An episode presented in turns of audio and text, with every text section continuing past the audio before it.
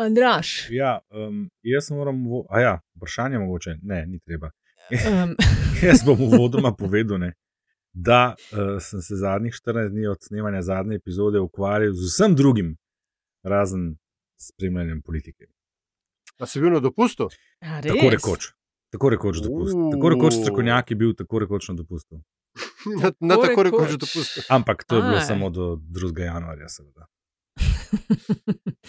ja, se sem zaznala, da si res manj bil prisoten, pa sem rekla, ah, praznuje, pa mogoče zato. To pa še pride. Ja, to pa še dobro še pride. Le Štefi sva pa midva nekje blizu, veš. Ja, vem. Ja? vem. Mislim, ne poleti, ampak. Januar je bila dobra letina. Jo, ja.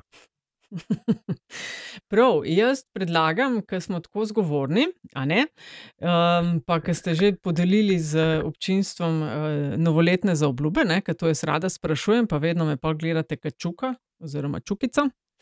Nimate nič v planu, a ne? Um, No, Nataša, kaj, bojo, kaj so pa tvoje novoletne zaobljube? Dajmo, no. Da bojo imeli, da bojo imeli rumeni cajtniki kaj za kaj zapisati. Da, sprašujem ljudi, kaj so se zaobljubili. To so moje. Kako zelo meta. Ne, jaz sem samo hotela le za začetek, ker je nov let, ne, povedati to, da se bomo znali obrniti. Trikrat letos, fantje, imamo retrogradca. A ne, spet. Trikrat. No. Ja, Ba- ne, sam, sam da vemo za vnaprej. Kaj pa ta Ampak decembrski, je tega je že konc. Če, Tega je je konc, konc, če ja. je Da, da, januar, ja. če smo januar, Prvi Andraš, januar, mislim. A Ne traja to en mesec ali koliko. Po tri tedne Pa pa res. Pa, pa še efekti, da izzvenijo, a veš, še Ne. vedno par dni spredi pa zadnji. Sovpada pa pozorne. Ta prvi v letu 2024 sovpada z našo obletnico, 1. april, pa ko bo ta ta hiter vlak, ki ga no. Ker mogoče vlak bo, ne bo pa prav zelo hiter. Ne? No, skratka, sam to, da imamo v mislih 1. aprila, 4. augusta, pa 25. novembra štarta letos. Gli za moj rojsten, ne moreš priti, gli Ja. za moj rojsten. Ja, prav, ali jaš poldi pa špico, ki si novo naredil za nov leto, ne? Uh, ja, res je. Za trenutek naj odloži delo, mikrofon in mačka Nataša Briški, po domače podcasterska Štefi. Ob njenem visokem jubileju ji Antiša, Andraš in Aljaš ter vsa preostala podcasterska druščina želijo obilo zdravja, veselja in sponzorjev, ter ji pošiljajo koš poljubčkov in tole skladbo. Zdaj si v najlepših letih, 50 zrelih letih. In če prvi so že sivi tu lasje, oh, nikar ne misli, da se stara že. Kva, za me pa ali kaj? Ja, no, ne moreš imeti vsega. Mač. 14 dni nisi gledal, Kaj 14 pa dni nisi gledal politike, nisi spremljal politike. Prideš na izpit nepripravljen in zdaj bi še kaj imel, dej nehi. No. Kolega, razmislite malo vsepno. Pismo, ro, prst, da daš pa bi takoj roko. Ej. Sem pa, sem, pa, sem pa vsaj eh, nekaj filmov pogledal, to je pa tudi res. ne. O, super, se totalno veselim zadnjih 30. Jaz Absolutno. bom imela kar dve, ker to Jaz zdaj nas toliko časa ni. Oh, Ne, ne, ne, mo- čak, pa bomo, a bomo imeli vsi dve. ne kukar češ, če imaš kaj zapovedati, boš imel, ne? Lahko ima pa Pa če- sami dva štefi, vsak po dva, pa bojo litko štiri. Recimo. Pa, a, hočeš reči, da smo mi dva tih, ne? A se nama beseda je, a- ali jaša se nama beseda jemlje, pa morava uh, protestno oditi.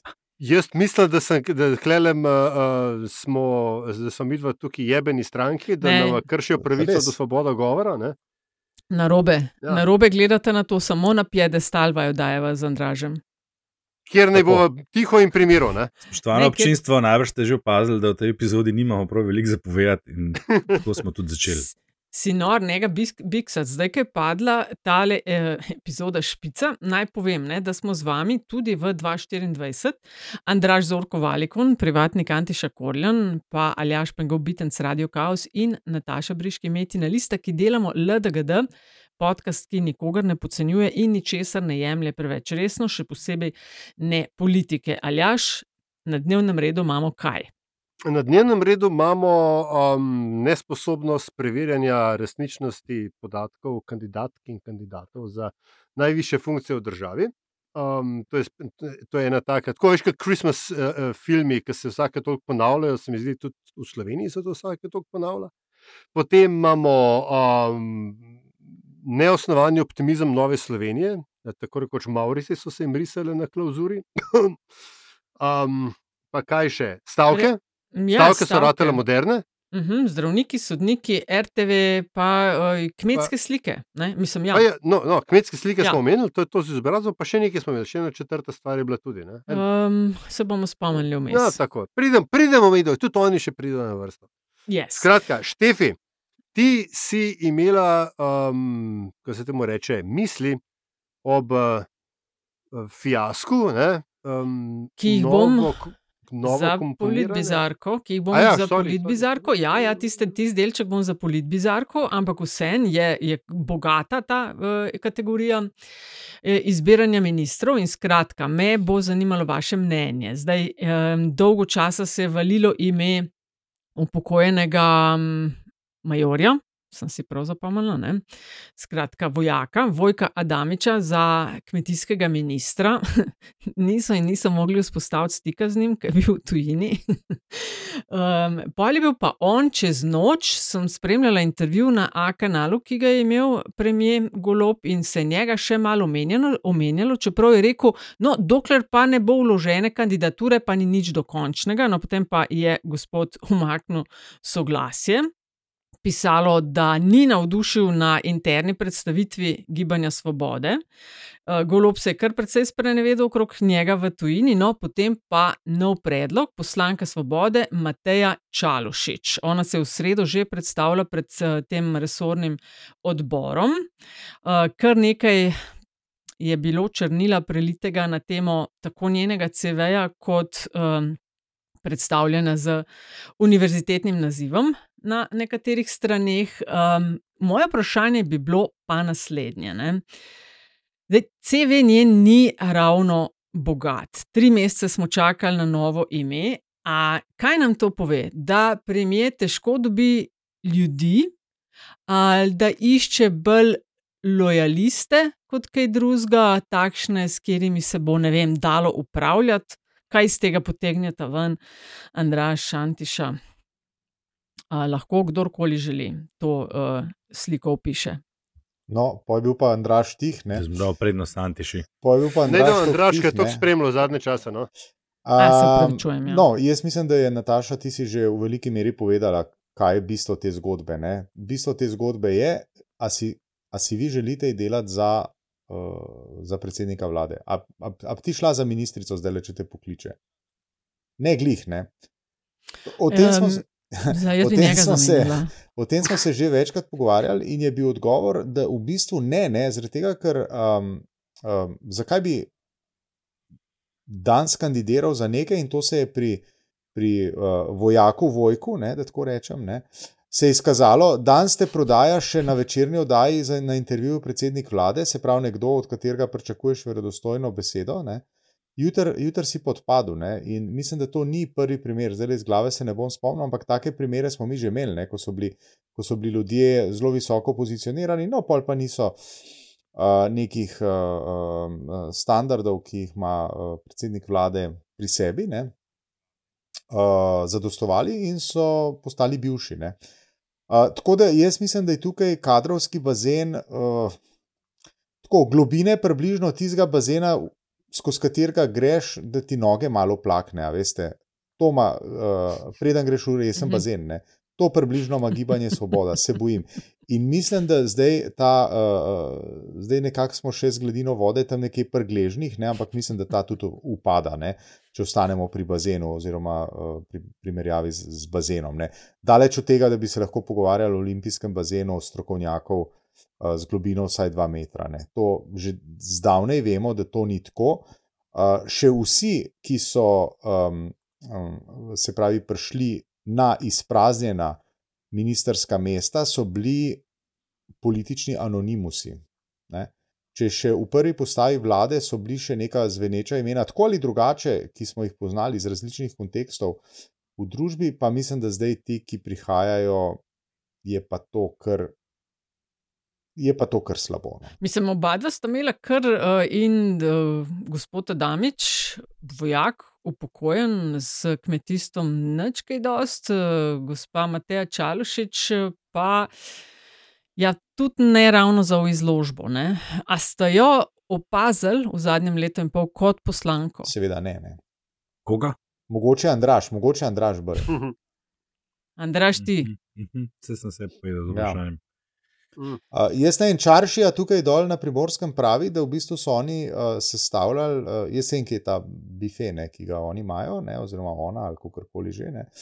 In Čaršija pravi, da so v tem bifeju, da je bilo, uh, bilo mesto, kjer se je sestavljala kandidatna lista tukaj za te okraje, tukaj na primorskem, za volilno enoto in tako naprej. In ona je tam bila, ne, ona je tam tisto kavo kuhala, menda, pa čaj pa to. Ne. In pa so rekli, da nam manjka še en, pa ženska, da a boš ti. In pol je bila, in evo, cep, cep, pa, A ni smi- Vučić tako prišel na oblast? pa si ministrica, kdo Vučić? Ja, Ja, možno. to da je najprej tam kamal iz palube pere nosil, pa to, a vidi ga, kud je stigo. Ja, vidi, kako je stigo. Ja. A, ne, A ni Momir Bulatovič kuhal kavo, Miloševič? Um, ja, ne, v, veš pa, ja, seveda, itak vse, vse to drži. Ne? Uh, je pa tudi nekaj drugega res, da se ta, da zdaj pa že počasi časa zmanjkuje. Ne? Ta vlada zdaj uh, prihaja v, uh, zdaj pa že orang drugo polovico mandata in um, definitivno nima toliko za pokazati, kot je obljubljala, da bo imela na tej točki za pokazati, tudi če smo zelo, zelo prijazni pri teh interpretacijah. In uh, hočeš, nočeš, se mi zdi, da, uh, pač, da je čas za ideje mimo, ne? zdaj je čas za poslušne ljudi, ki bodo te ideje odprej, kakršne koli one pač že so, izvajali. Um, tako da ne bom rekel, da je to zdaj dobra poteza, kar, ki jo je kadrovska poteza, ki jo je Robert Golop uh, potegnil. Mislim pa, da bi se mu iskanje še enega strokovnjaka, ki bi imel svoje ideje in svoje zamisli, kako urejati kmetijski resor, lahko bi mu lahko prilično, poprilično eksplodirala v obraz. Tako da se mi zdi to bolj varna stava, kot, a veš, ne vem, da bi. Nek veš- ekvivalent Emila Erjavca zdaj potegnil in rekel: ti pa strokovnjak, zdaj pa ti zrihto. Zdaj prepozen je za nove ideje. Ne? Zdaj pač to, veš, kar imamo, to treba odigrati. presenetil, da v bistvu ni posegel po vodji svoje poslanske skupine, gospodu Sajovicu. ne? Je, če se ne motim, veterinar, pa nekajkratni mandati župana ne? in poslanca. Sam, a nismo mi že tudi v tem podkastu večkrat rekli, da ko se izbira ministre, ni v spredju strokovna sposobljenost, ampak pač politična Mislim, spretnost. ni nujno, oziroma, ne? Tako, da je ja, minister ni, predvsem politik, ne pa strokovnjak. Mislim, ja, to je ta večna dilema. Ne? a Veš, ali boš ti. Da seveda ne škodi, ne, če, če veš, kje je v področju, ne, pa se Ja, ja, hitreje tako, vlafaš, ne, ampak- ampak ne. Treba je razumeti tudi politično in, in, in na, načelo ministrstva, je predvsem politična komponenta tega dela. Ne? Je pa seveda vprašanje, kako ti razumeš sam ustroj delovanja inštitucije in ljudi, ki so uh, uh, uh, v njej. Tako da tukaj za ne, kandidatko Čalošič je tukaj več, po mojem največji izziv to, kako bo ona razumela notranjo dinamiko firme, kateri bo zdaj načelovala. V, na dan, ko bo izšla ta epizoda, naj bi jo DZ tudi uradno potrdil kot ministrico, in na mesto nje dobijo pač, ker gre iz poslanskih vrst, novega poslanca, zdaj bo nov ali star. eh, Na vrstnem, oziroma prvi v vrsti je bil Loredan, bivši zdravstveni minister, ampak mislim, da je on rekel, da se kokar politike ne gre več, je pa izrazil uh, interes uh, gospod Brežan, bivši minister za naravne vere. Ne? Da, če ga bodo povabili, da je pripravljen zasesti to mesto. Bomo videli, kaj bo. Nač, gremo na novo temo. Na stavke. Dajmo, dajmo, ja, ja, stavke. Pejmo paket stavk. So zdravniki, stavkajo, so nakazali stavko, 15. naj bi šli v mal daljšo, za više plače starejših zdravnikov, poseben razred želijo, sodniki pa so prav tako na okopih eh, zaradi nespoštovanja odločbe glede plač. Zdaj pa. Um, kaj mislite, čistko po občutku? Ljudje so A so na strani zdravnikov, jaz mislim, da so in preobremenjeni, in podplačani, ampak dobro, je širša debata. A mislite, da so ljudje, Andraš, imaš ti kakšne podatke, nimaš, na, da bi bili, a so na strani sodne veje, so na strani zdravnikov, a imaš kaj? Ne, žal nismo izvedli raziskave, v kateri bi vprašali, ali ste za to, da se dvignejo plače.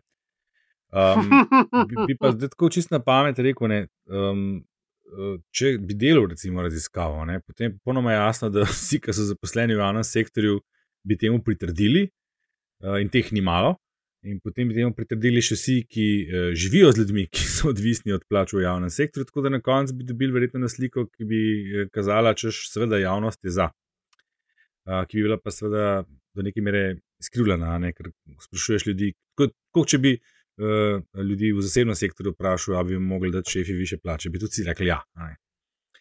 Veš kaj, bolj me tale občutek zanima, ker se mi zdi, da je namagarjenost ljudi na zdravnike v tem primeru malo večja kot na sodnike. Ker roko na srce tiste plače, ki jih vlečejo sabo sodniki in ki že ne vem koliko let niso uravnane, so res zelo nizke. Medtem ko pri zdravnikih, kar slišim od ljudi in kar spremljam, je v glavnem feedback, pa sej se sam za plače borijo. Za plače gor, plače dol. To je zelo tvegano, veš, soditi po tem, kar slišiš, ker se pač gibljaš v določenem krogu. Seveda je tvegano, in, ne. in tako naprej. ne.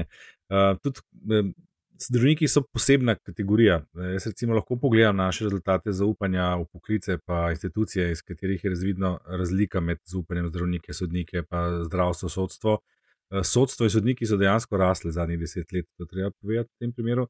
Ampak, veš, zdravniku bojo ljudje, uh, oziroma za poklic zdravnika bodo ljudje rekli, da mu bolj zaupajo, že samo zato, ker jih je strah. Ne? Ker um, ti si rad na varnem, ko se ti slučajno bog ne da, ki je primeri, da rabiš zdravnika in že samo zato.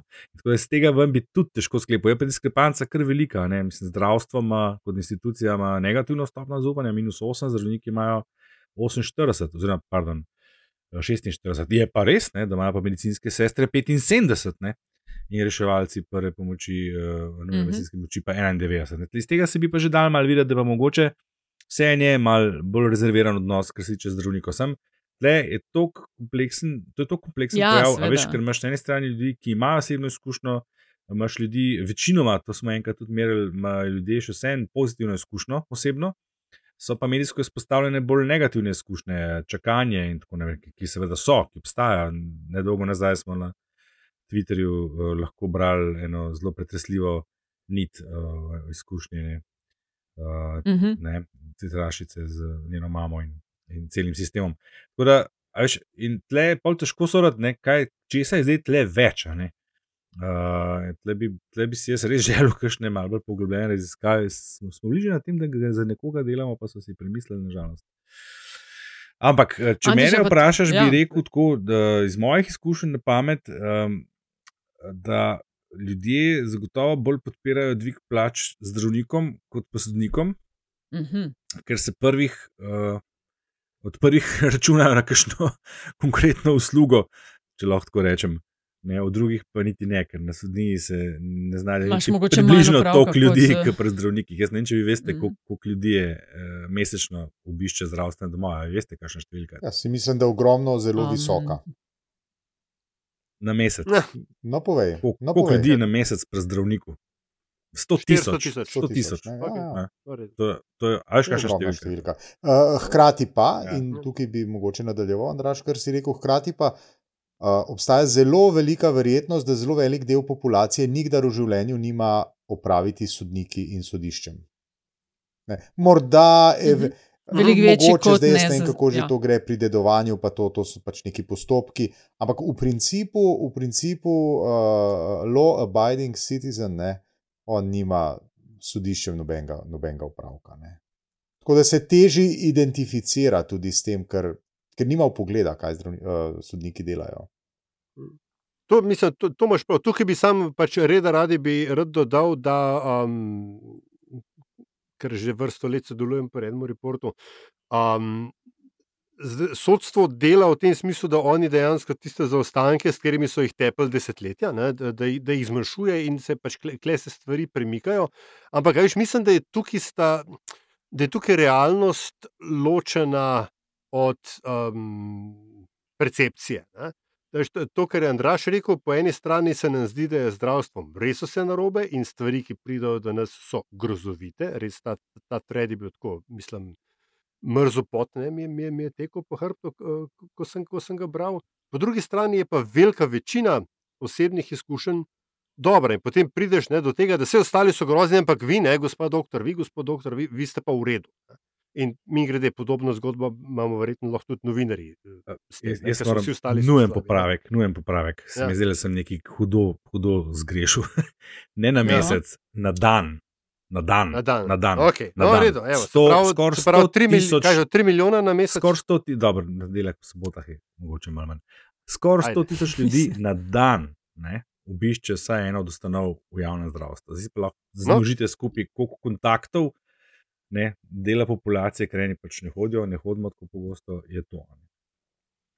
In hočel sem več samo to, da, da, da jaz imam tukaj s, s temi stavki imam en, en, en tak, da rečem, zelo intelektualni, da rečem filozofski problem. Ne? Ker načeloma stavka sama je nekaj, kar, kar je po mojem mnenju treba absolutno podpirati, že samo pravico do stavke, samo dejstvo, da to stavko lahko imaš, ne glede na to, kako dobro ali slabo uh, utemeljena je. Ne?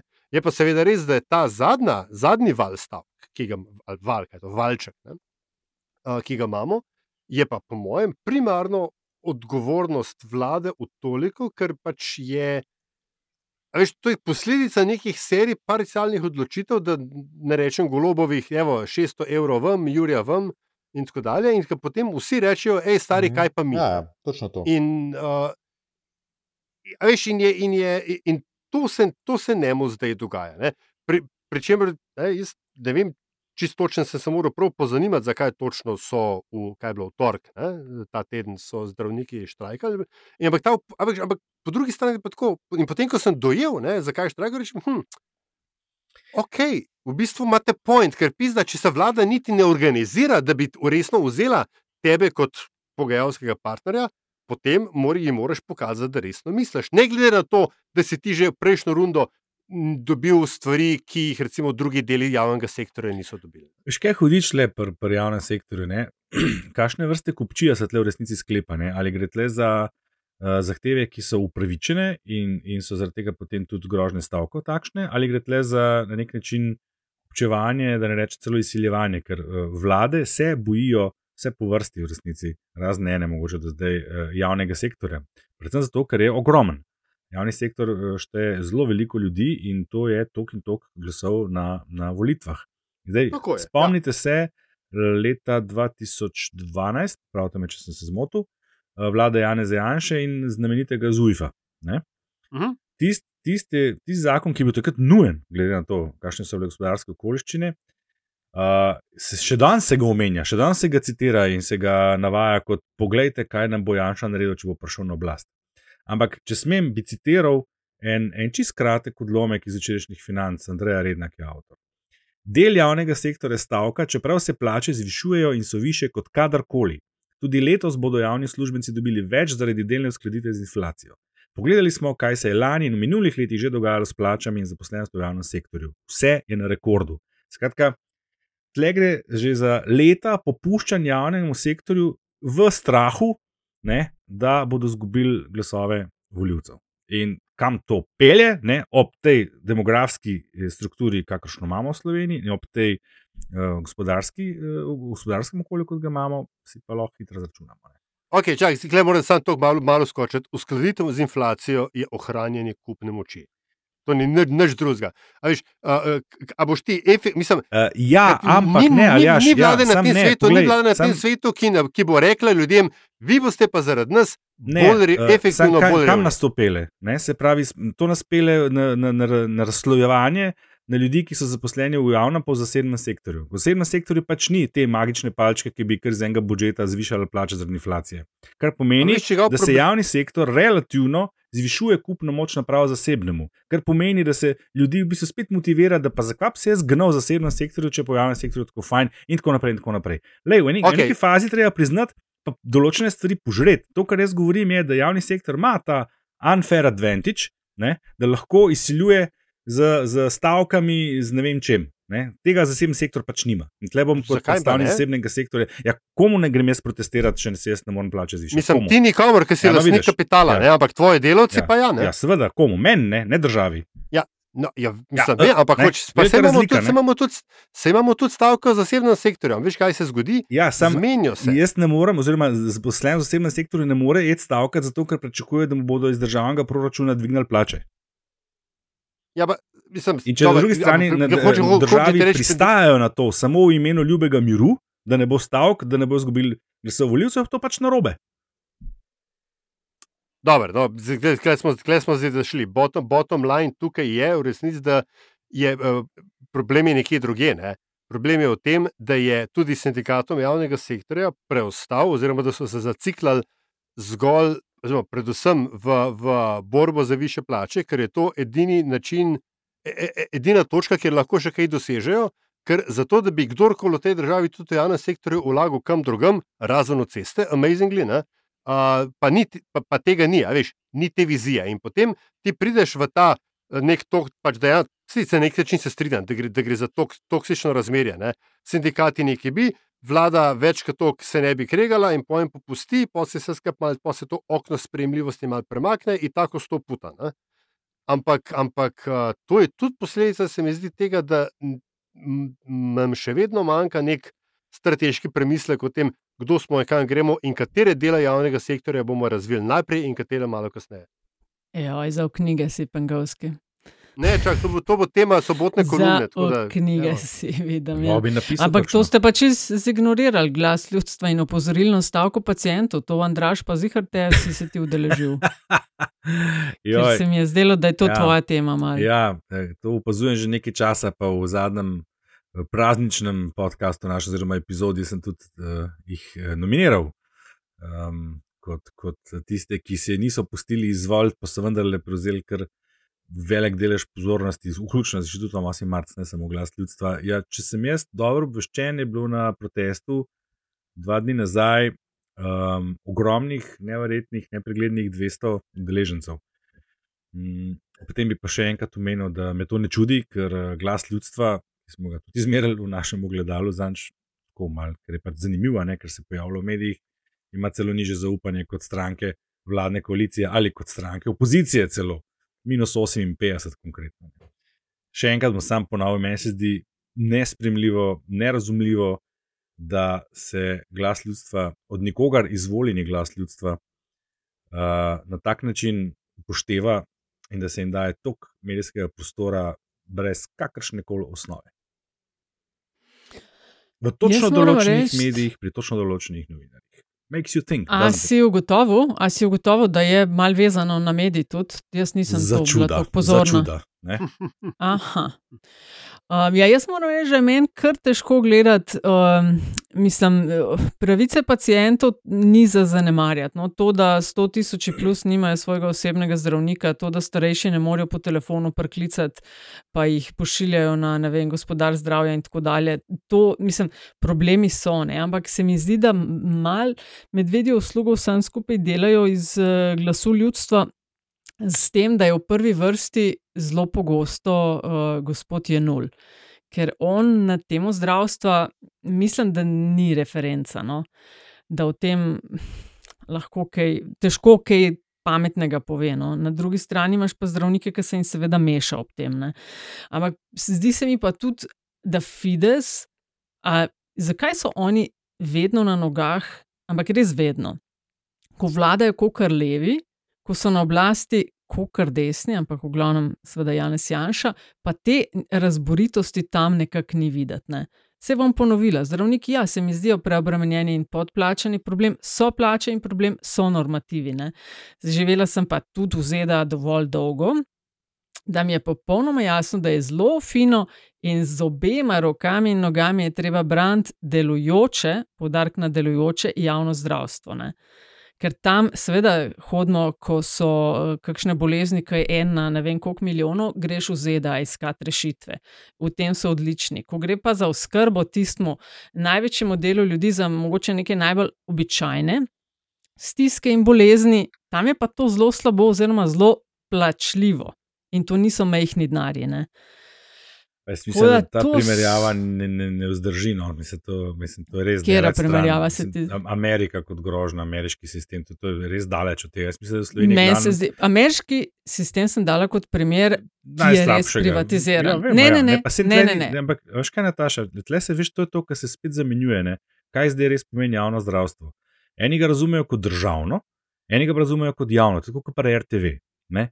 In Jenuli njegovi ne, bi to tako, da tle ne bi bilo nobenih privatnikov, sploh s koncesijami, in nič. Ne. Ves denar naj se steka direkt v to zdravstvo, kjer se, kot vemo, veliko tega denarja pretaka v različna podjetja, dobavitelje in tako naprej. In jaz sem tudi absolutno proti, da je to tako. Ne. Jaz nimam nič proti, recimo, temu, da imamo mi privat zdravnike, ki so s koncesijo v, vključeni v javno zdravstvo. Problem je v tem, da pač nastane pol konkurence, ker so vsi kar enkrat bolj zadovoljni, ki pridejo tja. Ne? In potem še hujši problem, ko začnejo zdravniki, nekateri, ne, delati, uh, ko se jim reče, dvoživke, ne, double shift, ne, pa delajo v javnem, pa delajo pa v zasebnem, pa tam služijo in tako naprej. Ampak to se da vse urediti, če je politična volja. To se da vse urediti in to ne pomeni Ja, veš privatizacijo zdravstva, to moramo razumeti. To ni Ja, Amerika. Problem je, če ti prideš na urgenco, pa te vprašajo, kakšno ima zavarovanje, in če nimaš ta pravga, da te odslovijo. To je problem. In to je V v ZDA. Ja. Uh, problem je v Sloveniji to usporedno grajenje nekega zasebnega sektorja na račun javnega. Meni se zdi problem in tudi te številke, ki jih gledam, recimo ob zdravnikih. Uh, pet let skrb po 16, ur, uh, po 16 delovnih ur na, na dan. Odkje, kako, kdo? Ja, To ampak veš, zakaj gre? ne? Tle, tle gre spet samo za vprašanje pretakanja denarja. Sej tudi tistih, ki so v javnem zdravstvu zaposleni, v javnem zavodu, tudi te država plačuje, tako kot plačuje koncesionarje. Pa Je- veš, to ni še problem? privatizacija. Jaz privatizacijo razumem, da si ti lahko zbiraš, kot ti govoriš zdaj v Ameriki, da si boš ti zbral, uh, jaz pa ne bom plačeval uh, obveznih zdravstvenih prispevkov pri plači. Jaz si bom pa sam Mhm. zbral, ki si bom jaz zavaroval. To, je, to bi bila Cool. in, bi imel pol zasebno uh, zdravstvo, ki bi pa ne bi bilo financirano strani iz javnih sredstev. To pa je Problem je- privatizacija. Problem je pa tudi, ko je zasebno pol tam zato, da ureja, recimo, da manj teže stvari, ko se pa pojavi bolnik, ki ima zapletene diagnoze, ki ima uh, slabše prognoze in tako dalje, pa grejo pr prstek pokaže proti UKC-ju. Nobene zasebne bolnice, pa za, zasebne je to tako ambulante. drago. ne. Ne? Ja, imate, Ja, seveda, imeti, seveda. ne. No, pa znanja ni. Ne? ja, pa znanja ni, ne? Ampak to je bi tisto, kar najbolj volja, stane. Ne, bi se dal to javno-zasebno partnerstvo zihar urediti. Sam jaz sem pripričan, da je spet v zadju samo vprašanje, kje se bo pretakal denar in koliko Ja. transparentno se bo pretakal. A veš kaj, jaz mislim pa, da je, da je na nek način še, še slabš, ne? vsaj kar se tiče eh, tudi glasu ljudstva in tako dalje. V veliki, se mi zdi, da gre v veliki meri uh, za, ne, z lepo slovensko besedo, virtue signaling. Glejte nas, kako se mi um, verbalno prizadevamo za vaše pravice, ki smo mi vam razložili, kje točno so, so, so omejene. Ne? Pa gre, a veš, pa je čisto vse, a je to a je to glas ljudstva pri zdravstvu, a je to, ne vem, a, poslanc NSA, ki nam ki, ki zdaj brani a, kurjenje lesne biomase. A, a, veš, vsak od teh ne, deležnikov, čing 10 evrov, a, ima svojo neko agendo in ravno problem, ki ga oni izpostavljajo, je ključni problem te družbe. In če bomo to rešili, ne, se boste cedila med in mleko. V resnici se ne boste. V resnici so to pač, je to serija mehkih problemov, veliko od njih je organizacijskih, ni samo finančnih. Primaren problem v zdravstvu je pač to, da zdravnikov ni in jih ni ne samo v Sloveniji, tudi, veš, tudi v Luksemburgu v končni fazi, ne? da ne bomo samo za Ameriko delali primerjav. Tudi tukaj zdravnikov ni, tukaj je sistem še slabši kot v Sloveniji. In, in, in uh, tako, veš, tako da to, ni, to, to niso, mogoče so to medijsko, populistično všečne teme, ampak rešitve so pa zelo tako down and dirty. In, in uh, mogoče, če, dons, če se danes začne ne vem, vlagati v izobraževanje kadrov, v zidove, bože mili, razumeš, ko imamo tako ustan, stavbe, v katerih so naše bolnice, so z redkimi izjemami. Pa skoraj tako star, starejše, kot jaz. In. Bog pomagaj, Da ne bi jih starejši, da ne rečem starejši, kot vi trije. Ne? In Bog pomagaj, ne bi jih obnavljali tle, ki so na zdaj preselili na obrobje mesta, ker je bilo vse dostopno z, Ampak, gled, pa, stari, tudi, tudi če bi jih obnavljali, gled, a, ni, a ni to hecen, kako se za tretji pas avtoceste se predzmenimo. lokacijsko, takoj, z lahkoto, ni problem, jutri. Kakšen tretji pas? Ampak, ja, zdaj bojo, zdaj so že med Lukovico in Ljubljano bojo tretji pas. Vse je, vse je že zmeden. Ampak zato, da bi pa eno, eno bogo bolnico, ki je, ki je sto let stara, da bi jo pa obnovili tako, da bi, da bi izgledala, pa da bi bila uporabna, ja, to pa ne. ne vem, a, a veš, pa, a je pre, premalo A kle za spomniš, zaslužek. kaj? pediatrično piše, kaj ne 20 let smo No, zbirali denar. ali pa premalo urgence, če smo že zadnjič nekje že povedal ali pa napisal, se ne vem. Ne. Zakaj se zadnjih 15-20 let ukvarjamo z zdravstvom, ne pa šolstvom, ki ni čist nič boljše kot zdravstvo, če gledamo Ja, ja, ja, področje. ja, ja. Zakaj? Zato, ker v plehnatih strehah osnovnih šol pač ni denarja, ker bi nekdo nekje nekomu nekaj nakazal, pa zaslužil. Zato v zdravstvu so pa milijarde in tam se pa splača, zato se tam borijo. v šolstvu se pa ne. tam Ja, ampak, ampak za zidove zdravstva sem ben ne bori. Vse, ker je se do, za- dost, mislim, dobro, mogoče so malo bolj opremljeni kot šole, ampak vse, ne, denar ni tam, vemo, kje je denar v zdravstvu, kje se pretaka denar in kje so zaslužki in dobički, če smem temu sploh tako reči, ker je to v bistvu čisto navadna kraja. Ne. Skratka, sanjamo o delujočem, uspešnem zasebno javnem partnerstvu. Nečem, kar še nismo videli. Ne? Vedno. Ampak jaz moram pa nekaj Aljaža nujno vprašati. Jaz se strinjam Ja, s tem, kar si rekel, da je tole, kar počne Jaša, uh, virtual signaling in, in, um, Ja. in tako naprej. Ampak za tako stvar bi človek rabo neko motivacijo. Kaj pa je motivacija, kaj pa je pol njegov cilj? Zakaj pa to počne? Ali to zato, ker je pač ne vem, zdrahar ali zato, ker ima neko agendo res od zadaj? Zakaj se pa bivši ministri še vedno na veliko rolajo po slovenskih medijih? Prvič zato, ker so, ker so mediji leni, oziroma nimajo, pač je, je treba na hitro nekaj narediti, ker je to samo ena od 17 stvari, ki jih boš moral danes narediti. In drugič, ker ljudje, zdaj, se mogoče ima kakšno ulterior motiv, ampak, jaz bi bil takoj podpišen tudi samo to, da pač človek ljubi zven svojega glasu. ne. Ker končni fazi, veš, za- zakaj pa mi trije podkaste, mi štirje podkaste? Ja, za dober denar. Ne. Pod prisilo. To je jaz bi pa jasno. v, v bran, pa, pa ni, da sem prav vanga, no, da se razumemo. Ne. Ampak v bran uh, temu, kar počne Jaša Enul in kompanija, bi pa vendarle eno stvar dal. Ne. Oni to počnejo, ko je na oblasti tisti, ki je njihov, da tako rečem. Ne. Se pravi, Mhm. tukaj nekaj. o, A, Ne, a če mu to sam pomeni, dovolj? Andraš, an- sam dovolj. No. A, Ja. um, uh, oni so le, ki smo zmedu zdaj. Ne? Oni, Sorry, so, oni sorry. vendarle, oni vendarle uh, jim ne smemo odrekati neke minimalne doslednosti. da tako rečem. Morda sem naiven, morda sem naiven. Ampak Janez Janša nima svojega Jaše je nula. To hočem reči. Ne? Janez Janša, ko je na oblasti, nihče od njegovih si ne upa pisati. Uh, tukaj govorim zdaj zelo schematsko o njegovih. Medtem ko Mhm, je mhm. prišel ta golob na oblast, dost hiter so mu točno tisti, ki so ga postavili na ulicah, svojo dejavnostjo in tako naprej, so mu dosti hitro začeli um, uh, Ogledalo nastavljati. oziroma opozarjati, da za tole se pa mi nismo borili. Tako da tukaj, v čist v, v, v smislu neke družbene dinamike, se mi pa zdi, da je prav, da to pozdravimo. Ne? Da tudi uh, da tudi ljudje, ki, so, ki imajo svoje predstavnike na oblasti, tem oblastnikom izrekajo kritiko tudi javno. To se mi zdi ok. Zdaj pa, ne, koliko se pa jaz strinjam, pa koliko mi je lik Jaša je nula všeč ali pa Dušana Kebra, to je brez veze, o tem sploh ne bom govoril. Ne. Ampak sam, Mhm. mhm. sama ta, sama ta uh, relacija, ki jo oni med seboj imajo, se mi zdi pa pomembna za, za eno uh, zdravo družbeno klimo. Ja, ok, s tem se lahko popolnoma strinjam. Sorry, ker sem tako skočil prej. Hotel sem reči, izhodišče je napačno in tvoje, in Jaševo. Ne? Nihče ni nikoli empirično dokazal, da so oni pripeljali goloba in ostale na oblast. Oni si to dopovedujejo, oni si to domišljajo in to ponavljajo, in to ne zadnje zelo domišljavo z nazivom glas ljudstva tudi ponazarjajo.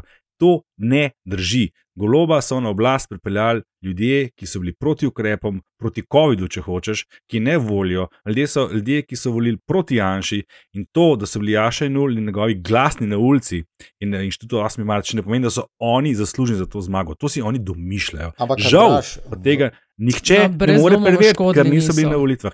Seveda mu niso škodili. Ampak oni si lastijo zasluge, oni se tudi to pojasni, to, kar si zdaj rekel. To ni postavljena zrcala, uh, mi smo vas izvolili, zdaj pa zrcalo postavljamo. To je užaljenost, ker so prepričani, da so ga izvolili, zdaj se pa ne obnaša tako, kot, kot so oni pričakovali. In to, kar si rekel, ne, Ni, ni, oni niso njihovi, razumeš? Da, Kot se reče, Janša pa nima nekoga, ki bi pol jim zrcalo nastavljal. Zakaj jim ga nastavlja? Zato, ker, ker dejansko niso njihovi. Ampak, draž, mislim, pa kdo pa je bil eden od, eden od uh, najbolj uh, izpostavljenih obrazov kolesarskih protestov, uh, ki ja, so, koliko ki so, bilo tam udeležencev? ki, so, ki so iznedrili, ali kako se temu reče, potem uh, Roberta Goloba kot politični faktor. Ne?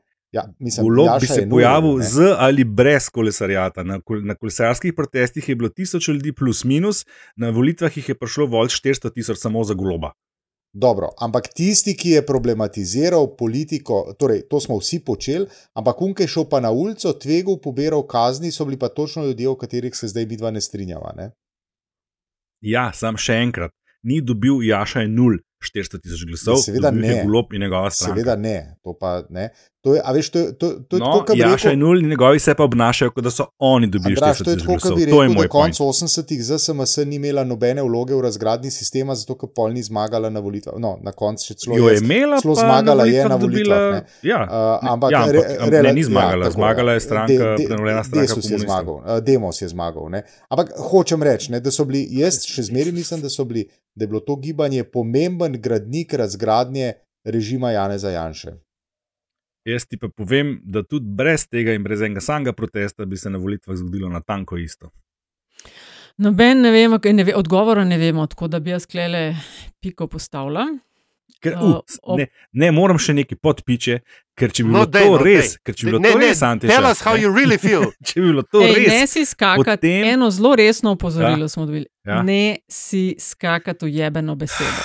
Ja, to jaz delam ponovadi, se upravičujem. Sam zdaj sem bil jaz uskočen, vse vse. V glavnem, kar se hoče povedati, če bi bilo to res, kar trdiš Antiša, potem bi levica ne skoraj izpadla iz parlamenta, ampak bi dobila 20%. Zakaj? Ja, zato, ker je ta bistveno bližje Jenulo in ostalima. Ne? Levica je bila tudi na cestah, levica je bila tam, predstavniki levice so bili tudi del kolesarjata, kot se mu reče. Oni so bili na ulici.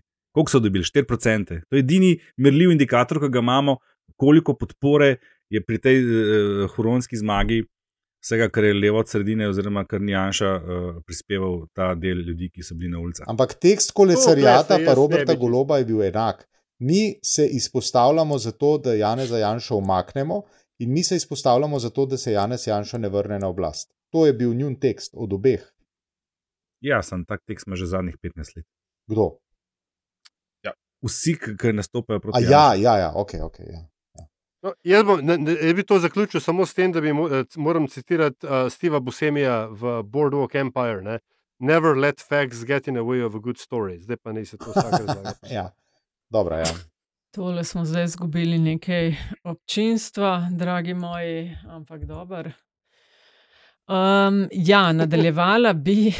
Kaj, kaj smo izgubili? Bitka je bitka za marketing, pa to. Nekaj občinstva smo izgubili zdaj s tem. Ja. Zdaj se lahko odločite, kdo od vaju bo večji desničar. Ne?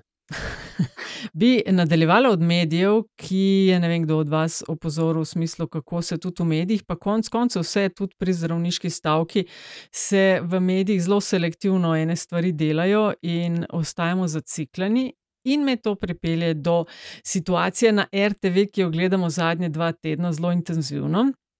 In sicer je bil del zaposlenih poslan na čakanje. Nekatere oddaje so ukinili zaradi slabše gledanosti, zaradi vem, finančnih omejitev. Vmes je odstopil član uprave Simon Kardum, svet je že sprejel njegov odstop, iščejo oziroma bodo iskali novega. Kaj, kaj pa menimo o tem? ne? Tudi to, kar je povedal gospod Kardum, sistem je zaciklen in samozadosten, berem. Uh, najvišja povprečna starost zaposlenih notri, najvišji odstotek zaposlenih za nedoločen čas, največje število zaposlenih na vodilnih delovnih mestih, največje število zaposlenih na uredniških delovnih mestih. Um, Skratka, imel je pripombe tudi na račun uh, vodje uprave, češ glede neenotnosti je rekel, ali je možno sodelovati z vodjo, ki se ne zmeni za svoje moštvo. Odgovor je preprost: ne. Da, spremembe na RTV-ju, okrog 2100 zaposlenih, šteje, da so no-go. zdvigno je zaplapolala bela zastavica in po štirih mesecih je odšel. Zdaj, najlažje je seveda pametvati od zunaj, vam dajem besedo. Kako si rekla, Antiša. 2100? Ja, 2100, okoli 2100 je zaposlenih. Mislim, in to že zadnjih 20 let. tako Da, a veš. In raste. Ja, ne, pa mislim, raste. A, a, a, pazi, Ej, RTV dajte vidva mal nehati, Antiša, prosim, daj. Ja, hvala, Nataša. Uh, torej, kar, se tiče, kar se tiče uh, uh, ukinitve panorame, pa drugega informativnega programa, uh, ta stvar, to stvar seveda jaz absolutno podpiram, zaradi tega, ker tista oddaja ni bila gledljiva, tista oddaja je bila uh, slaba, voditeljci- voditelji in voditelji so se uh, svojega posla učili na, uh, pred kamerami za naš denar, tako da to je bilo popolnoma brez veze in nima smisla, in je prav, da so to ukinili. Zdaj, kako so pa oni to ukinili? Eh, tale drvarski pristop, mislim, da se jim bo zelo, zelo, zelo odbil v glavo. Ker če so oni mislili, da bo rekli, tako zdaj gre se pa vi na čakanje, uh, oni bojo pa mirno šli na čakanje in čakali boljših časov, so se zmotili. Ker seveda so bili vsaj nekateri med njimi politično delegirani na svoje funkcije in seveda imajo oni misijo in to misijo zdaj izpolnjujejo. Ta misija je pa med drugim destabilizacija razmer tam noter in to pač zdaj seveda počnejo. Ne. Tako da jaz mislim, da se jim bo ta Mm. pristop, ki so ga obrali, uh, um, ki po mojem izhaja iz nekega lažnega občutka vse mogočnosti, zato ker mi smo pa zdaj na oblasti, delamo, sme, delamo se, da smo politično neodvisni, um, to, to ne bo šlo. To ne gre in ne bo šlo, in jaz mislim, da bodo ta pristop še močno obžalovali. Ne.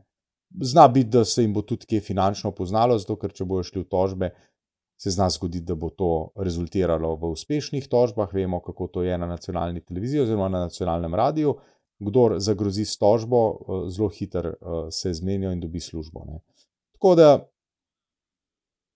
to je to, kar lahko o tem rečem. Ne. Zdaj, kar se pa tiče, se pa tiče uh, samega sistema na RTV, ne, to pa ne bom prav zelo inovativen, če rečem, da pa vsaj 20 let sem v to že prepričan, da je ta, da je ta firma uh, zrela za, uh, kaj je to bil, mislim, da slovaški pa grški pristop. Ne. Se pravi, da so v enem trenutku zadevo oziroma javni zavod zaprli in naslednji dan ga odprli ponovno z uh, bistveno manj ljudmi. Uh, ker drugače mislim, da to ne bo šlo. To, zdaj, kar se dela, to je vse neko uh, krpanje, ki po mojem se bo, uh, se bo izkazalo, da bo uh, se poznalo na padcu verodostojnosti, na padcu gledanosti in tako naprej. In tako naprej. To je ponovno tudi polski scenarij, tole, kar si omenil. Ja, točno, ja, ja hvala. Ja. Sam, veš, kaj, po drugi strani je pa tako. Ne? Zdaj, omenil si recimo slovaški in, in, in, Grški. in, grški in, polški, s- in polski scenarij. Sam, glej, kdaj pa boš naredil to, če ne takoj potem, ko, ko, ko prevzameš vajeti v svoje roke? RTV Slovenija je pač notorično bila v tem, da vsakič, ko se je oblast zamenjala, se je pač naredil samo nov layer nekih uh, polsposobnih nameščencev. Uh, vmes, a veš, medtem ko firmo so pa po koncu držali ljudje, ki v njej celo niso bili zaposleni. Mislim, da me bojo tisti, ki poznajo te številke, bolj v detalj, mogoče popravili in bom sprejel popravek. Ampak jaz se spomnim, da so pač uh, ljudje moje generacije, ki so takrat delali prve kilome, resne kilometre v resnih medijih. Na, na razne študentske napotnice, pa na SP-je, pa tako dalje, po koncu držali firmo in so bile potem se temu reče, uh, skupinske tožbe za zaposlitev, zato ker je imelo delovno razmerje naravo rednega razmerja, medtem ko javni zavod tega ni priznal. A Veš, in je pač to, to prekernost in izkoriščanje, je bila se tudi na RTV-ju se, se je blazno, blazno lepo razpaslo. ne. In zdaj, če zato, ker, ne, ker, ker gre par ljudi zdaj na čakanje, pa jim neha kartice delati, in če je to zdaj dno dna, pol oprostite, uh, um, ne vem, no, se mi zdi, da morda to, a veš, zgolj dober začetek. Ker, ker RTV jima je tako v kurcu ne, in pač ta Anteševa analiza je seveda v osnovi pravilna, a, a, da, jo, da jo je treba a, a, dejansko na novo postaviti, ampak RTV se vedno na novo postavlja samo v infoprogramu, zato ker to je tisto, kar politika in gospodarstvo vidita.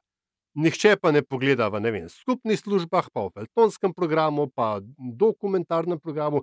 Vsi bi rezali stvari, ki jih ne razumejo, tam, kam imajo pa prijatelje, ti bi pa pustili, ker tiste pa ključen del. Veš, a, a, in, in to, mislim, da je treba kle vendarle, a, a, po mojem, gledaj, sem dva stavka. Po mojem je treba RTV-ju takšen, kot je, zdaj dati priliko. Zdaj, če je Simon Kardom odstopil, v redu, ej, mogoče se on pa Martiš ne razumeta, mogoče niste za skupaj, mogoče Kardom nima želodca za to, vse prav, v redu si šel, naredi prostor za komu drugemu. Ne? Ampak ne pa pozzel od zunija jamrati. On je imel šanso, da stvari spremeni, pa se je odločil, da bo raj šuvan. A, a, tako da, dajmo, jaz sem za to, da se jim zviša RTV prispevek, da se to firmo postavi na finančno relativno trdna tla in da ji potem, ji potem se pusti, da sama sebe noter zrihta. To se bo A, sigurno uresničilo. ne. Ja, a si zgrešil ali jaš ti del raziskave, ki jo je Simon med drugim navajal? On je drugače rekel tudi, da se nič ne more spremeniti. Uh, da kar pa, če pa se že hoče kaj spremeniti, se spremenja pa le zato, da se ne bo ničesar spremenilo. Med drugim je on citiral eno raziskavo, že iz nekaj let nazaj, koliko ljudi si želi spremembe. 10 odstotkov. Vi, vi, viš kaj, viš kaj, zdaj tako, se, se upravičujem, zdaj mogoče jaz komu kle na, živ, na, na žul stopu, ne, pa imam uh, veliko spoštovanje in do Simona Kardoma, Skardoma in stvari, ki jih je naredil, ampak on je se svoje ime v zadnjem času naredil zato, ker je imel uh, političnega obršefa, ki, mu, uh, ki je imel, ki je imel uh, izvajalca uh, kulturnih politik, ki sta razumela, da je, da je treba v kulturno inštitucijo vršiti en kup enega denarja. Ko se je Kino Šiška prenavljal, je bila vsi ti, ki so, ki so pol rog, a, a, a, zdaj branili pa Metelkovo, ja, ne, Kino Šiška, kult, spomenik kulture, ne vem, preteklosti, tri pizde materine. Danes si kulturne ponudbe Ljubljane brez Kina Šiška ne moreš predstavljati. In da je Simon Kardom lahko to pelal, je imel tako rekoč neomejene količine denarja za razmere ljubljanske kulture in imel je neomejeno politično zaslombo. Če bomo to dvoje lahko dali RTV-ju, zato da bo sama sebe rihtala, potem bo to zgodba v uspehu ne jutri, ampak mogoče čez pet let. Če pa tega ne bo, jo pa lahko tudi crkne jutri. No, jaz ti pa povem, če bi ti naredil tako, kot si rekel, ne, da bi zdaj dodal še dodatno dozo denarja not v obliki povišanja prispevka, bi imel RTV na mas 2100, čez nekaj let 3100 zaposlenih, stranje je bilo pa isto, kot je bilo. Jaz se tle strinjam, absolutno, tle, da je tle tok nakupičenega stranja, da je treba tle narediti radikalen res.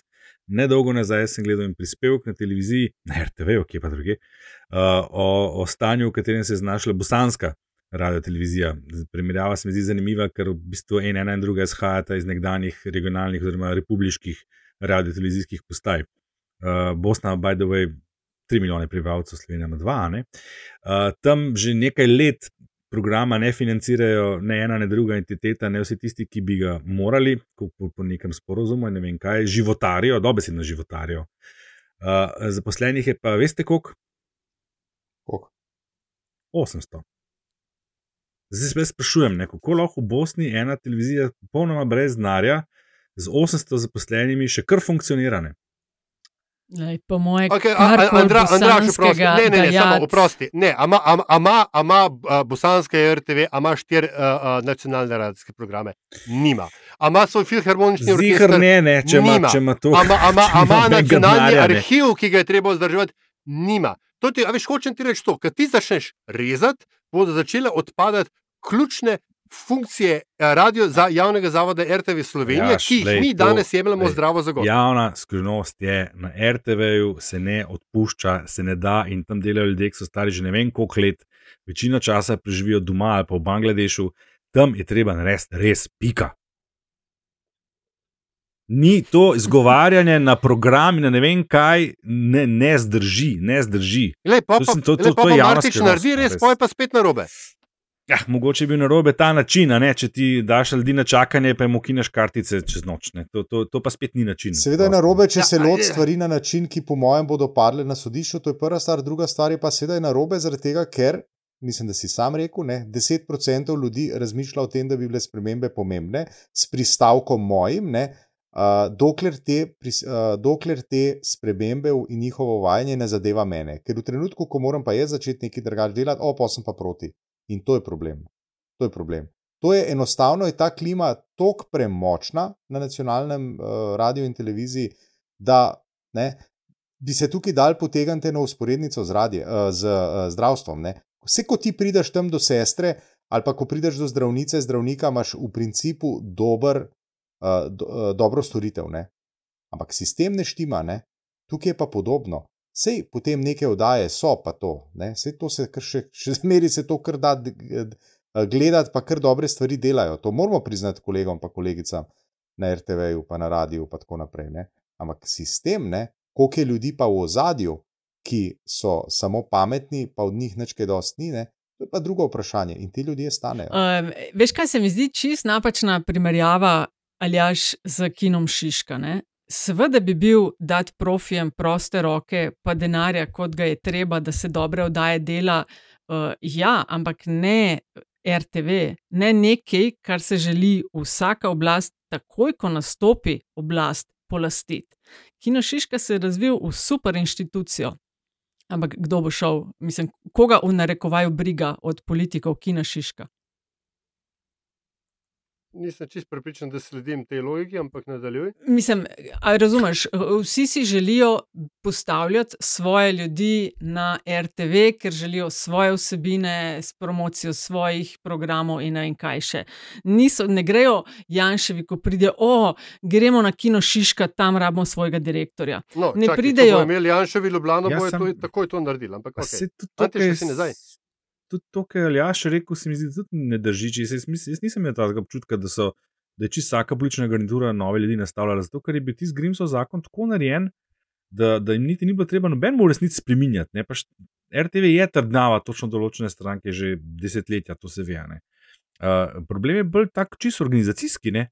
Mislim, pa, pa v tem, kdo to vodi, pa kako to vodi. Jaz mislim, da ni to političen problem, ker tukaj je nekdo prej izpostavil, vse RTV res ni samo informativni program. Politika se zapne v informativni program, ampak RTV še marsikaj drugega. Jaz se bojim, da zadnje čase, pa moram priznati, da spremljam različne programe na RTV, zato ker imam pač tudi mehne otroke. Ne, stvari, razen mladinskega otroškega programa, ki mu res vse pohvale, kapo dol, šapo in kar je še teh izrazov. eh, Pa se bojim, da res peša kakovost, tudi na drugih, ne na ne, ne informativnih zadevah. Veš, in to ni politični problem, to ni problem umešavanja politike RTV, ampak o nesposobnosti določenih, ki tam upravljajo s tem aparatom. Ne, veš kaj, brez dvoma je sigurno je težko šofirati eno hišo, ki ima 2100 zaposlenih. Ne? Ampak nima samo toliko zaposlenih, imajo hkrati zvezane roke z gomilo določili in predpisov, kaj smejo in oziroma ali morajo. Uh, imajo politiko za vratom, levo, desno in umestno, vse čas. Uh, zdaj, a šofirati uh, potem, ko ga je vodila prejšnja garnitura z modelom, uh, ki je bil na mestu šefa uprave nezakonito in z uredniki, ki so prišli uh, v hišo, eh, so bili partici z eno samo nalogo, ne profi novinarstvo, ampak narediti to RTV našo. Po mojem, bi bilo absolutno za dvigant, koliko je deset let, smo ugotavljali, deset plus let, kar je prispevek enak. Ne? Absolutno ga dvigant, se pogovoriti o tem, kaj mi hočemo od RTV, kje programe na izjave, eh, na izvaja, eh, ne pa dati spisek, veš, sam to je zakonsko treba, pol pa odtegovati denar. Uskladiti z inflacijo, ker to je kriminal, da se 10 plus let ni. Zdaj, eni v RTV-ju bojo, ma, vsi vemo, ker imamo tudi kakšne uh, včasih gige tam, ne. eni bodo krepenili od dela, eni čačkajo uši. Po mojem se absolutno ne bi nič poznalo, če bi jih nekaj sto takoj odpustili. Tako da ne manj, oni rabijo več denarja, ampak rabi razložiti ljudem, zakaj mi njih rabimo. Kakšne oddaje hočejo delati, kaj rabimo, jasne cilje, kaj hočejo doseči, tudi boš delati. Tudi če moš delati za tiste, ne vem, mačarske in uh, ostale obmejne skupnosti, da so tiste oddaje ne samo reda radi, ampak da se nekaj gleda od tistega. Ne samo, aha, kljukca, to moramo narediti. In svetim kravam pokazati vrata. Po mojem so pa bolj radikalni rezi potrebni, kot pa čakati, da se bo od znotraj uredilo, še posebej, če vemo, da od zunaj pomoči eh, niso glih dobrodošle. Spomnim se intervjuja, ki sem ga imela z Martičem, ki sem ga vprašala, a pa bi mogoče kdo od zunaj lahko te stvari. Kaj pa vejo oni od zunaj več, kot mi od znotraj, je bil odgovor. Ja, ne, sej, ne, sej, Aljaš. ne, No, lej, mislim, ni vse v redu tam. No. Delač Ni, tega, nisem rekel, nisem rekel da tam. se v redu. Nas, mislim, ampak, to, ampak to ne pomeni, da lahko greš z, z, z macolo in mačeto, ki je noter in rečeš, in potem, ko pač posekaš in rečeš, in rečeš, tako zdaj sem pa nekaj naredil. Lej, dokler ljudje nočejo sprememb, eh, problem je ja vtikovanje politike, ampak problem je pa tudi, da tam ni motiva za kaj drugačnega. No. Antiša, Izvoli. prosim, reši nas. Uh, hotel si nekaj jaz bi povedati. s- Ne, konstatiral bi, da si ostal osamljen v svojih pogledih na smeri razvoja nacionalne televizije oziroma pač RTV-ja. Story of my life. Ja, to je to. Pa... Prav. Dan smo se pa kar nekaj kregali, dober obet za 2024. Kam pa, kam pa pridemo, če si enak mislimo? En mesec je bilo, odkar nismo imeli resne vdaje. Ne? Ne, ne, ne, ne, ne, ne Aljaš. Uh, 14 dni, je, odkar nismo imeli resne vdaje, vse drugo so pa neresne, ker delamo nadaljavo. Res je, bravo. Ja, popemo pa na polit bizarko. V prejšnji, se pravi en mesec nazaj, je zmagal revolveraž Đorđević. Um, dost blizu, na drugem mestu je bil pa, zakaj se ni pa pritožil, Andraš, to si ti.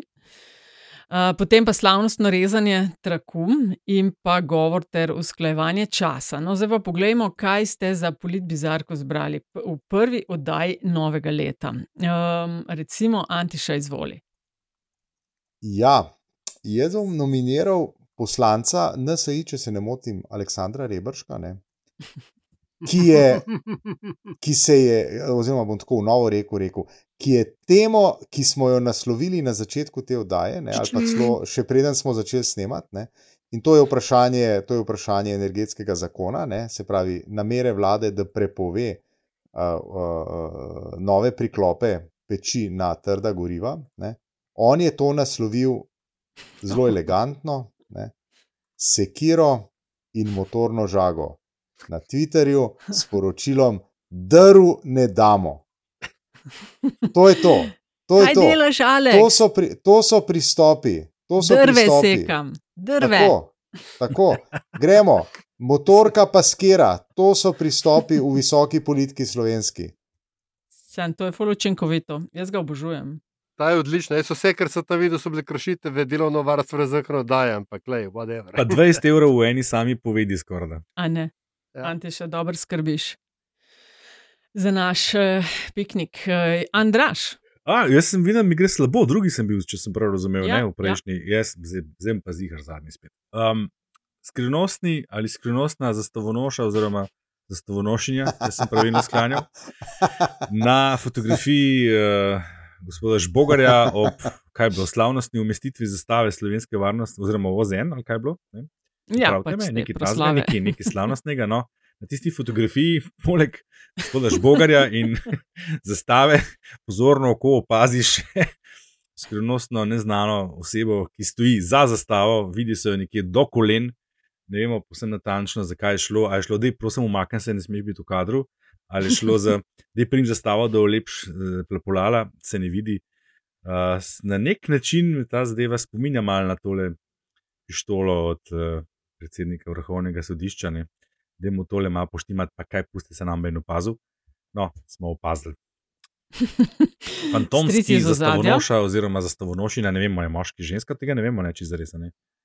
Ma, da se sklepa, da je en zastavnik. Bog ne dej. Mi, Bog ne dej. zastavnik, ja. Zastavnik prve klase. Kako pa lahko po obleki sklepaš, kakšnega spola je Nataša, lepo te prosim. Po čevljih sem pa podržal. No, še slabše. just assume it's, de, it's Ja, gender. Točno. Their gender, Točno their gender. Their gender, thank you. Ja. Ja, uh, Aljaš, Jo, jaz, ja. No, eh, če smo jo že odblokirali, ne, mislim, da je prav, da jo ponovno inauguriramo kot uh, redno sodelujočo v uh, politbizarkah. In uh, je to trenutek, ko lahko ponovno pozdravimo v naši družbi uh, predsednico parlamenta Republike Slovenije Urško Klakočar Zupančič in v tem primeru njen nastop v mm, silvestrskem novoletnem Kaj dogaja v sceni hashtag Bog je ljubezen. Najbrž ste videli, če niste si oglejte, čudovito je, uh, it's very urška in jaz jo toplo pozdravljam nazaj. Veri urška kras. Jaz sem jo tudi pogrešal, moram priznati. Odlična je bila, odlična je bila. Odlična je bila. Ja. Ja, moja politbizarka je pa ta administrativna napaka in reakcije na njo. Uh, zdaj, v tej koloboci imenovanja nove kmetijske ministrice smo se par dni zapenjali okrog tega, kako je pol drugo leto na spletni strani državnega zbora in na kandidatni listi za državno-zborske volitve gospa nova ministrica bila predstavljena kot univerzitetno izobražena. Eh, Izkazalo se je pa, da ima samo strokovno, samo pač to, ta dveletni faks, to je ta bolonska reforma, ki je povzročila vse te težave. Ali pa A, mogoče triletni, veš, Nataša. A tri let, a ni dva plus ena. Ponavadi je tri pač, plus dve, a, ali to. pa štiri plus ena. No. No, skratka, Univers si pred imenom lahko pišeš, če imaš 4-5 let. Ne? Skratka, to, kar smo mi imeli, klasičen faks naš. To, to bom jaz dvom mlajšim prepustil, ker jaz sem Ja, še sej. star. Um, skratka, to se mi je zdelo kar zabavno in izgovori pol, ne verjamem, res ne verjamem, da en let pa pol ni pogledala na svojo stran na državnem zboru, da bi videla napako ali pa na njo opozorila. ne. Uh, zdaj, vse uh, nas je odgovornost prevzel, uh, prevzela uh, gibanje Svoboda.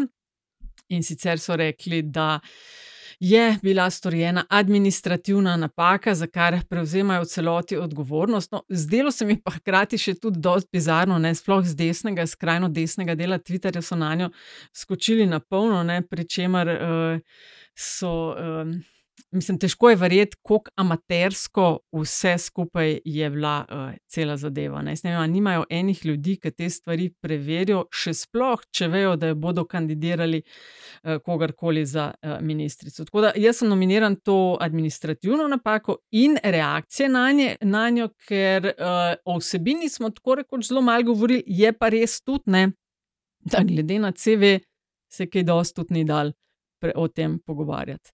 Tako da jaz za, za administrativno štartam v novo zmago. Kar nas pripelje do zadnjih 30, pa kar nadaljujte, kolegica. Oh, ja, si. No, bom nadaljevala takoj. Uh, jaz, ker sem res, res čakala, dve super stvari imam, tako da bom kar dve, pa zelo hitro povedala. Uh, obe sta podcasta. Enemu je ime How I Built This. Voditelj se pogovarja z svetovno znanimi podje- podjetniki o tem, kako se nekaj zgradi, naredi, kakšna je pot do tja, vzponi in paci. In v eni, recimo, zadnjih epizod, jaz te stvari tako poslušam, glede na to, kdo je gost, pa kakšna je tema.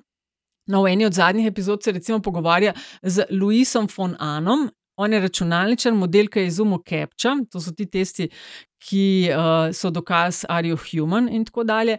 Pri 21. in to je dal Yahooju, tako na, mejte za ston. In to je tudi model, ki je kasneje z študentom, z enim študentom izumil Duolingo, naredil Duolingo, no. krasno aplikacijo za učenje tujih jezikov. Tako da zelo zanimiva je njegova zgodba in tudi zgodbe enih drugih podjetnikov, tako da podcast How I Built This. Drug podcast je pa If Books Could Kill. Voditelja secerata tako največje knjižne uspešnice 20. in 21. stoletja, non-fiction, in za kjer dokažete v bistvu, kakšne, za kakšne šalabajzerje pravzaprav gre. Ona dva analizirata, data v kontekst, pokažeta s prstom na napake. In par naslovov, za katere sem prepričana, da jih je naši poslušalci že slišali, verjetno tudi zelo uh, brali. Raztrgata Freakonomics, recimo, pa Gledvelove Outliers, pa Fukuyama in The End of History, pa Huntingtonovo The Clash of Civilizations, pa Hillbilly Elegy. Tako da, če ste te knjige brali ali jih imate celo na svoji knjižni policiji kot Štefica, vas mogoče zna zanimati, kaj ste to za eno sranje brali. Tako da podcasta How I Built This in If Books Could Kill. Andraš. Nadaljujem, ker imam mesto 14 dni staro in bi bila mečkam bolj primerna za 29. decembr, ko je bila objavljena epizoda. Dva filma, prvi je Leave the World Behind, zato 29. decembra. Uh, dober mesec je na Netflixu. Eni pravijo, da po neki še kar slabi knjigi, ne vem, kaj nisem bral. Julia Roberts, Roberts uh, Ethan Hawke, pa Maharshala Ali krasnih vlogah, um, če imate radi nenavadne prizore, male misteri, pa ni v resnici, ampak premisa sama mi je blazno všeč. Zaključek vas bo tudi verjetno presenetil, tudi marsikoga je, zato ima oceno nižjo, kot bi si zaslužil. Skratka, Leave the World Behind, absolutno vredno, nujno ogleda. Pa še en film, ki sem ga gledal pa par dni nazaj, majčkaj starejšega datuma, je pa Koda Krom. Skajem, pozor, ne scen, Koda Krom, tudi Netflix. Tukaj pa briljira Ed Harris v, v, v naslovni vlogi, oziroma naslovni v glavni vlogi, pa nič manj slabši Jason Sudeikis in mlajša od sestre Olsen. precej manj dramatičen, strašen kot v prejšnji prvi film, menjeni, pa zato to bolj galjiv, uh, lušen road movie, family teme in tako naprej. Oboje srčno, srčno priporočam. Leave the world behind, pa Kodakrom, sk na Netflixu. Ok, Antiša.